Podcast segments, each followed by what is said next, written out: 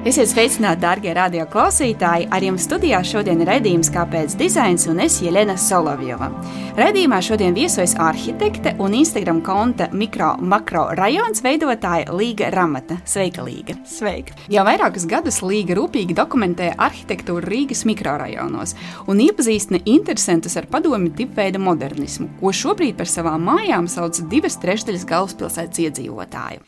Līga, izstāst mums, lūdzu, mazliet vairāk par sevi un kas tevi mudināja aizsākt šo Instagram, nu, es laikam jau saukšu to par kustību, kurā gan tu raksti par padomu modernismu, gan arī aicina līdzdarboties savus sekotājus.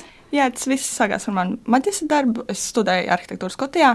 Un tā kā es vēlos rakstīt tieši par padomju modernismu, tad es tieši sapratu, ka es gribu rakstīt par mikrorajoniem, bet es tajā brīdī biju prom, bija Covid, un es nevarēju atbraukt uz Rīgu. Un tad es izdomāju, ka varu prasīt saviem draugiem vai paziņām, lai viņi iesūta kaut kādas bildes. Tad uzreiz arī nolēmu taisīt Instagram kontu, lai rodas kāds arhīvs ar ikdienas bildēm no mikrorajoniem. Jo, ja godīgi arī pētot internetā un lasot grāmatas, man bija apnikusi tā narratīva par to, ka viņi vienmēr ir tik pelēki, ka tur viss ir tik depresīvs, un man gribējās, lai ir tāds dabīgāks skats uz mikrorajoniem. Tajā brīdī jau sākās arī kaut vairāk pētījumu par padomju modernismu, bet man likās interesanti, ka tieši par tik lielu daļu padomju modernismu kā mikrorajoniem Mums Rīgā nav tik daudz pētījumu. Tagad pēdējos gados arī vairāk studenti ar TU par to raksta, bet tajā brīdī man likās, ka tur varbūt ir, kuras kaut ko var pielikt klāt. Un kas pētot Rīgas mikrorajonus, tev pašai šķita maģistra darbos interesantākais, kādi varbūt bija interesantākie secinājumi? Man liekas, ka man pašu pārsteidza pirmkārt tas, cik daudz iedzīvotāju to dzīvo bet arī tas, ka tās ēkas un viss tie ēku kopumi ir pilnībā atstāti novārtā. Neviens īsti kopi, ne par viņiem īsti rūpējas, un viss ir atstāts uz iedzīvotājiem, kas man personīgi neliekas pareizi. Un tur trūkst reāls aktivitātes. Cilvēki īsti nevar identificēties ar savu vietu. Jā, un arī privatizācijas jautājums un kā tie iekšpagalmi īsti vairs nepieder iedzīvotājiem, tad ir vai nu ko pašvaldībā, kas ir ļoti rēts gadījums, vai vairāk tie ir kaut kādi privātai īpašnieki. Jā, un īsti iedzīvotāji arī paši nesaprot, ko viņi var darīt. Viņi ir diezgan izolēti kādas mūsu attieksmes dēļ pret mikrorajoniem, bet man liekas, lai tie cilvēki uzņemtos atbildību par savu vietu un lai viņiem būtu vēlme kaut ko darīt, tad viņiem vajag mācīt saskatīt to skaisto, bet tur arī vajag būt kādai kopienai. To vajag pazīt gan savus kaimiņus, zināt kaut ko par to vietu un to novērtēt. Un tur ir vajadzīgas reālas aktivitātes. Šobrīd lielākā daļa tie ir guļamrajoni. Bet ir kaut kādi veidi, kā palielināt aktivitāti mikrorajonos, kaut kādas mazākas vai lielākas kultūras telpas, vai arī tie var būt kaut kādas mazas instalācijas, vai tie paši soliņi vai sakārtoti pagalmi. Tur nav reāli, kur palikt, un tur nav kaut kādas lokācijas kur mm. socializēties. Veidojot šo Instagram kontu vairāk kā divus gadus, ko tu esi sapratusi par saviem sekotājiem? Cik aktīvi tie ir, cik daudz vēlās ar tevi komunicēt, un kāda ir viņu attieksme pret eh, saturu, ko publicējam vispār kopumā pret mikrorajoniem Rīgā? Man personīgi ir izveidosies tiešām ļoti jauka kopiena cilvēkiem, kas iesaistās diskusijās, ar kuriem es bieži arī sarunājos. Arī es daudz, protams, no viņiem mācos, bet līdz ko tas saturs tiek līdz cilvēkiem, kas varbūt nav tajā manā sekotāju burbuļī, jā, tad viņi nevienmēr saprot, kas ir tieši tas, ko es daru. Un tā kā cilvēkiem ir ļoti daudz dažādu uzskatu par padomju arhitektūru šeit, un tad jā, tā ir tā otra puse. Ir bieži daudz komentāru par to, kāda jēga par to ir saglabāt, kāda jēga par to ir runāt. Lielākā sabiedrības daļa varbūt vēl īsti negrib tos pieņemt. Kurā burbulī ir eh, tie cilvēki, kuri paši dzīvo mikrorajonos? Tur ir dažādi. Man ir ļoti liels prieks redzēt vairākus jaunus cilvēkus, kas dzīvo mikrorajonos. Un ka viņi fotografē, ka viņiem patīk, ka viņi arī reāli ko cenšas par to iemācīties. Ir kaut kāda cerība, un ja ir vecāki cilvēki pieņēmuši to visu, un redzot tos mazdārziņus, kas viņiem tur ir, vai arī ka viņi paši tur iekopja to savu vietu, un var redzēt, ka viņas ar to identificējās, un viņiem tur ir tā sava arī kopiena. Jā, es nezinu īsti, kā ir ar cilvēkiem, kas ir 30 līdz 50 vai 60, kur viņiem varbūt tomēr ir vēl kaut kādas stiprākas asociācijas ar to padomu laiku. Jo man liekas, ka arī tas neskaidrs prestižs, ka tu dzīvo mikrorajonā. Un tāpēc varbūt arī cilvēkiem ir grūti būt lepnam par to, ka viņi tur ir. Vai tu pati dzīvo mikrorajonā? Nē, bet uzaugu āģos. Tas īstenībā nebija tā kā mikrorajons, bet tāds bija padomjāks. Tieši kaut gadu pirms sākt to maģistru, manā mamma pārvācās uz Rīgas purciem tieši tāpēc nav tā, ka es nezinu, kā dzīvot mikrorajonā.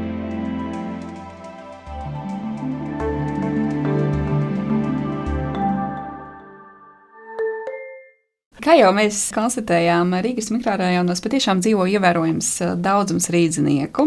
Kas, tavuprāt, ir kopīgs un kas atšķirīgs mūsu daudzajiem, es laikam lietošu šo vārdu mikrorajoniem Rīgā? Jā, man liekas, ka mikrorajona nav kaut kāds tāds viens veselums. Mēs paskatāmies uz pirmo mikrorajonu, kas bija Jāgenskalna priedis, un tad uz purciem mēs redzam, kā tā visa ideja ir attīstījusies gan arī tajā mērogā, gan arī kādi tie tipveidi projekti tika izmantoti. Un, ja mēs, piemēram, paskatāmies uz Zolitūdu, kas ir viens no jaunākajiem mikrorajoniem, tas ir viens no maniem mīļākajiem. Viņš vairs nav tik vienmuļš, tur ir tās mazās postmodernismas, tā kā sabiedriskās celtnes kuras ir izkaisīts pa visu mikrorajonu, un tur tiešām rodas kaut kāda piedrības sajūta. Un, un Zoltūda ir arī tā kā gājēju iela, kas šķērso tos visus četrus mikrorajonus un ieved tajā centrā. Var redzēt, ka cilvēki tur sēž, tur atpūšas. Tiešām ir patīkami. Bet tas arī vēlreiz pierāda to, ka, ja būs kaut kāds veids, kā tās vietas izmantot, arī tos pašus iekšpagalmus, tad cilvēki tos arī reāli izmantos. Vēl viena interesanta detaļa, ko es gribēju precizēt, tad minēja Zelotūdas saistībā, ka ir viena centrālā iela un tad apkārt ir mikrorajoni. Tīri no tādas terminoloģijas viedokļa sanāk, ka mums ir mikrorajons eh, vai rajons, iekš kur ir mikrorajoni. Jā, ir tā, kā tas viens mikrorajons, tur, protams, bija konkrēti cipari, cik cilvēku tur varēja dzīvot, jo tam mikrorajonam bija jāstrādā tā kā bezmazai pilsētai kaut kas tāds nav atkarīgs no pilsētas centra. Tie noteikti nebija plānoti kā guļamrajoni. Es arī saucu tos mikrorajonus par vienkārši vienu lielu mikrorajonu, kaut vai tā ir apgāja. Manuprāt, Zoltūdē ir četri, un tad ir vienkārši zelta viens, zelta divi, mm. zelta trīs. Tu minēji jau, ka zelta ir viens no taviem mīļākajiem mikrorajoniem, bet kurš tad ir mīļākais? Ja tāds ir, protams. Jā, tā ir noteikti zelta, bet tas ir arī purvciems, kurus visbiežāk esmu fotografējusi. Jā, tas vienkārši ir tuvāks. tuvāks Viena no lietām, ko tu arī tagad sarunā izcēli, ka to starp tas, kas atšķir mikrorajonus viena no otra, ir arī arhitektūra, tipveida projekti. Varbūt var izcelt kādu vai kādus tipveida projektus, kuri tev šķiet sevišķi interesanti. Man ļoti patīk tas franču projekts, kas ir producējumā. Man liekas, ka tas daudziem patīk. Tas it kā ir tipveidi, bet mums ir diezgan maz. Un viņi šobrīd ir diezgan sliktā stāvoklī. Un tad ir 119. sērija, kas bija pilnībā projektēta Latvijā. Tas ir arī viens no jaunākajiem tipveidu projektiem. Viņš arī ir viens no populārākajiem, jo tur diezgan labs tas plānojums, un tie divi, kas man īpaši patīk. Jau pirms krietni tālāk gribēju precizēt par franču projektu, kurš patīk gan tev, gan kā tu pati akcentēji daudziem. Kāpēc? Kā tev šķiet? Man liekas, ka tas arī varētu būt iemesls, ka mums viņu nav tik daudz. Un iebraucot purcēmā, ir tas oranžais akcents. Un starp tām visām zilganajām vai pelēcīgajām ēkām tas ir tāds akcents, kas izceļas. Par audzējumu. Kā tev šķiet, kas līdzi ir tās arhitektūras vērtības, kas ir sevišķi audzējumas un novērtējumas Rīgas mikrorajonos? Un vai mēs tās spējam šobrīd jau ieraudzīt, vai varbūt jāpiet vēl kādam laikam, lai mēs eh, apzinātu tās un novērtētu? Mikrorajoni paši par sevi ir sargājams un novērtējams diezgan tāds unikāls pilsētu plānošanas projekts. Tas bija iespējams tikai sociāliskās valstīs, protams, jo tas ir vienkārši milzīgi mērogi. Un, manuprāt, būtu nedaudz bēdīgi, ja mēs ignorētu tik lielu daļu mūsu arhitektūras vēstures. Viņa tika būvēta no 50. gadu beigām līdz pat padomju Savienības sabrukumam. Tā ir tiešām milzīga daļa arī mūsu vēstures un mūsu arhitektūras vēstures. Noderīgi atcerēties, ka tie jau bija mūsu arhitektu darbi. Un arī daudz, vai lielākā daļa padomju modernismu celtas ir projektējuši tieši latviešu arhitekti. Un tas viss vēstures periods ir sargājams tāpat kā jebkurš cits savā meža darbā, kur man bija prieks eh, tiešām ieraudzīt internetā. Tu to starp arī salīdzini rietumu modernismu pēc otrā pasaules kara un to, kāds attīstās šeit. Varbūt var īsi ieskicēt, kādas galvenās atšķirības tu pamani un kāpēc tur ir šādi un šeit ir šādi, un arī cilvēku attieksme, manuprāt, ir šobrīd mazliet atšķirīga. Jā, vispār man ir tāds pētījums par to, ka daži cilvēki sauc pieņemsim kaut kādu brutālismu Anglijā par mikrorajoniem, jo tie īsti nav mikrorajoni. Tās ir uh, sociālās mājas, bet tas noteikti nav tādā mērogā. Un ir vērts atzīt, ka tās tā kā varbūt nebija tik populāras jo tās bija mājas, kur ielika visnabadzīgākos iedzīvotājus. Viņi viņus nemiksēja. tad tur arī attīstījās noziedzība, bet tas nav arhitektūras dēļ. Tas ir vienkārši ja sabiedrības daļa, kas varbūt ir visvājākā, vienkārši cenšoties par viņu aizmirst. Tāpēc man liekas, ka nevar īsti arī vainot to arhitektūru, kurā viņi bija. Mums gan ir tas, ka tur tika visi. Protams, ne elite, bet arī paskatoties tagad, varbūt vairāk pirms kaut kādiem pieciem gadiem. Bet mums tāpatās ir ļoti dažāds sabiedrības slānis, kas dzīvo mikrorajonos. Jā, tas var būt atšķirīgs pa mikrorajonam, bet mums tur ir diezgan citas problēmas nekā kādos sociālajās mājās. Un mēs dabiski esam nonākuši pie problēmu sadaļas, jo nākamais jautājums par izaicinājumiem, kurus tu šobrīd no savas teikstās arhitektas viedokļa saskatīji mūsu mikrorajonos Rīgā. Es jau teicu, ka um, es vēlētos, lai viņi tiktu atdzīvināti.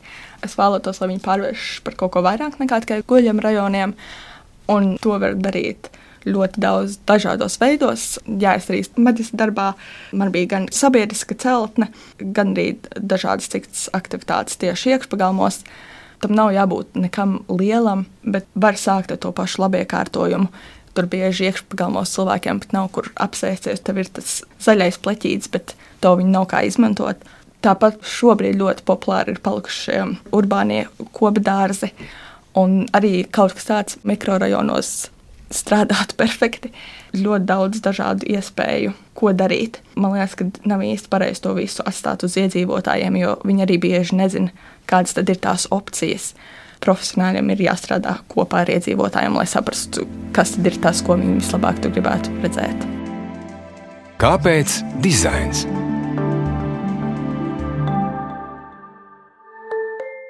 Tas padomju sapnis, mēs tagad dzīvosim visi kopā un būsim vienādi un laimīgi vienā kopienā. Es gribētu dzirdēt tavu viedokli, vai tavuprāt šis sapnis par vienoto kopienu mikrorajonos ir izdevies, varbūt laika gaitā transformējies, bet kā šis sapnis vēsturiski tavuprāt ir attīstījies? Manuprāt, tas viss sākās ar arī Ginsburga social condensers.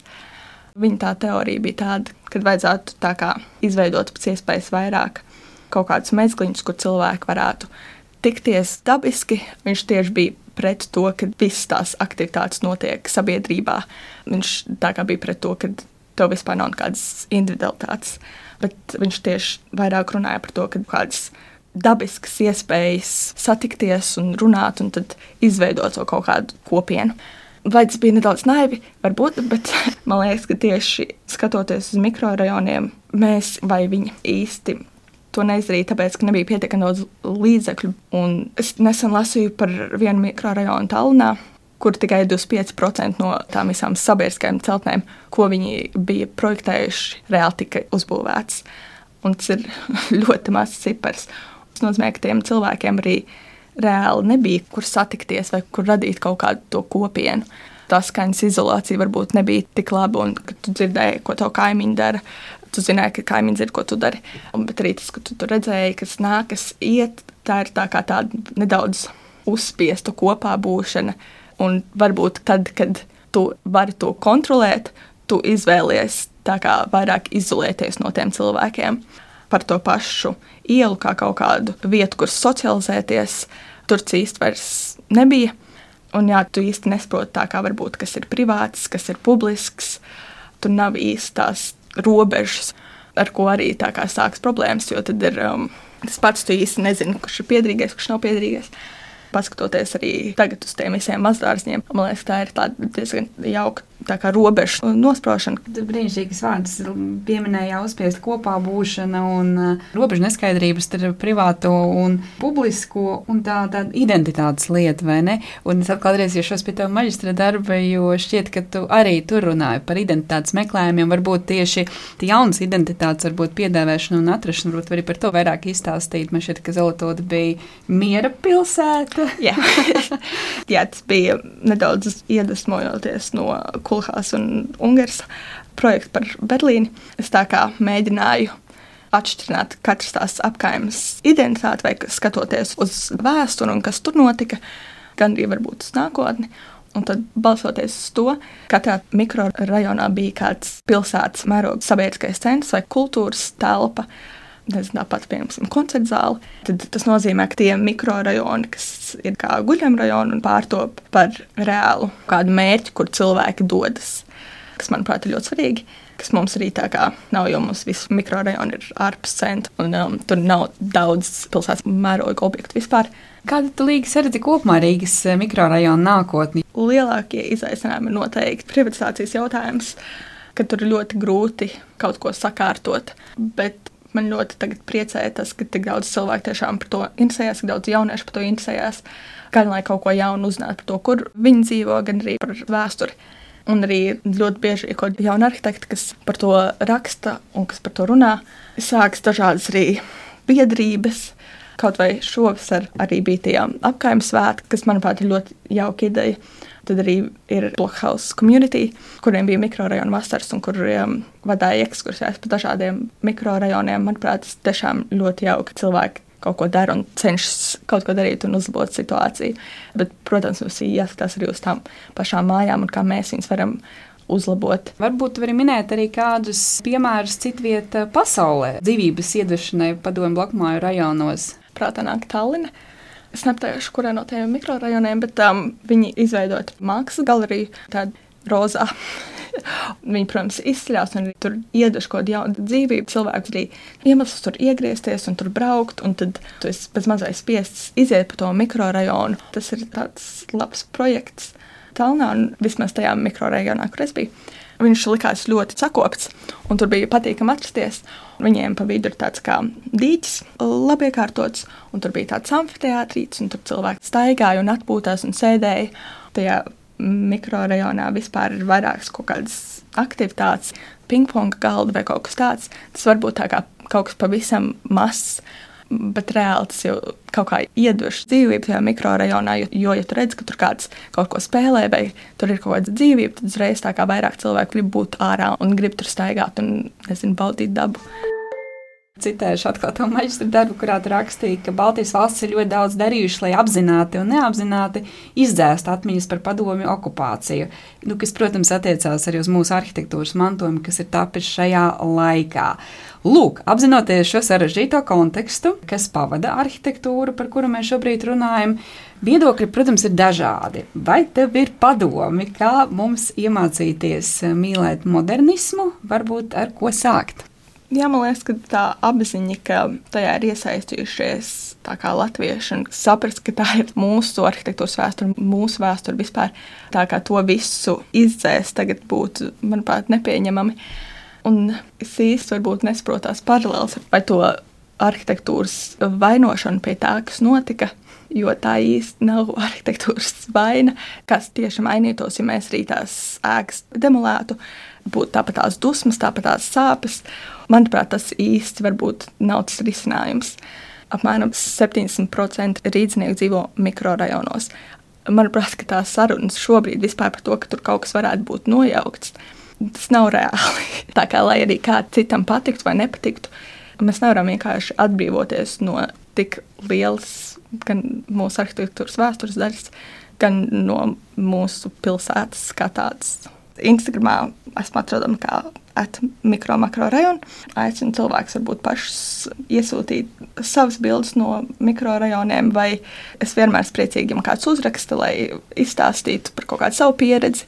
Kaut kādā mērā tas arī par to, kādā vidē mēs dzīvojam, ne tikai par to, kādā laikmetā šis ir tapis, ja kaut vai rietumu brutāls mēs esam masīvajām formām un nereti izolētību no pārējās pilsētvidas rada kaut kādus arī apstākļus, kur noziedzība var zelt un plaukt, vai nav kaut kur tomēr arī arhitektūra un arhitektiem kaut kur mazliet jāuzņemās nu, kaut kā vairāk ir atbildība par to, kā cilvēks jūtas arhitektūrā, ko viņi lieto. Jā, protams, ja tu pasties uz barbekanu, pieņemsim, jā, tas ir kaut kas brutāls, bet tas ir kops, tas, tas kā cilvēkiem patīk atrasties, tur tiešām tā kā jauka atmosfēra, bet varbūt kaut kāds tas pats projekta ego. Tur bija problēmas tieši ar kopšanu, ar to, ka neviens par tām ēkām nerūpējās. Manuprāt, arī tas ir diezgan svarīgi. Protams, mums kā arhitektiem arī ir sava atbildība, un mums arī ir jāveido kaut kādas vietas, kur cilvēkiem patīk atrasties. Ja mēs paskatāmies uz Laktonu un Vaselu, viņiem arī ir projekts Parīzē. Tā viņu renovācija nebija tik liela, varbūt. Viņi pie tās ēkas pielikt balkonu, kas ir visas ēkas garumā. Un tas nozīmē, ka viesistabas atvērās uz to balkonu, tur ir tur vairāk vieta, tur ir zaļāks un ir jaukāk. Mēs tagad, kā arhitekti, varam tās vietas arī uzlabot. Man šķiet, ka tā ir ļoti skaista doma. No vienas puses, apzināties mūsu saki, masīvo arhitektūras vēsturi, bet tajā pašā laikā neiekonservēt to noteiktā laikā, bet turpināt uh, attīstīt to un pielāgot uh, varbūt kaut kādā mērā laikmeta vajadzībām, vai ne? Un uzlabot. Jā, tā. Jā. Lielas tev, Līga, paldies gan par to, ka atradi laiku, lai atnāktu pie mums parunāt par mikro, makro rajoniem. Paldies arī par to, ko tu dari, par to, ka tu mūs visus izglīto un savā brīvajā laikā tiešām gan dokumentē, gan arī jā, dod iespēju uzzināt uh, vairāk. Raidījums, kāpēc dizains ir izskanējis, ar jums kopā bija Jelena Solovjova un pie mums studijā šodien viesojās Līga Ramata. Raidījums ir tapis ar valsts kultūra kapitāla fonda atbalstu. Uz tikšanos!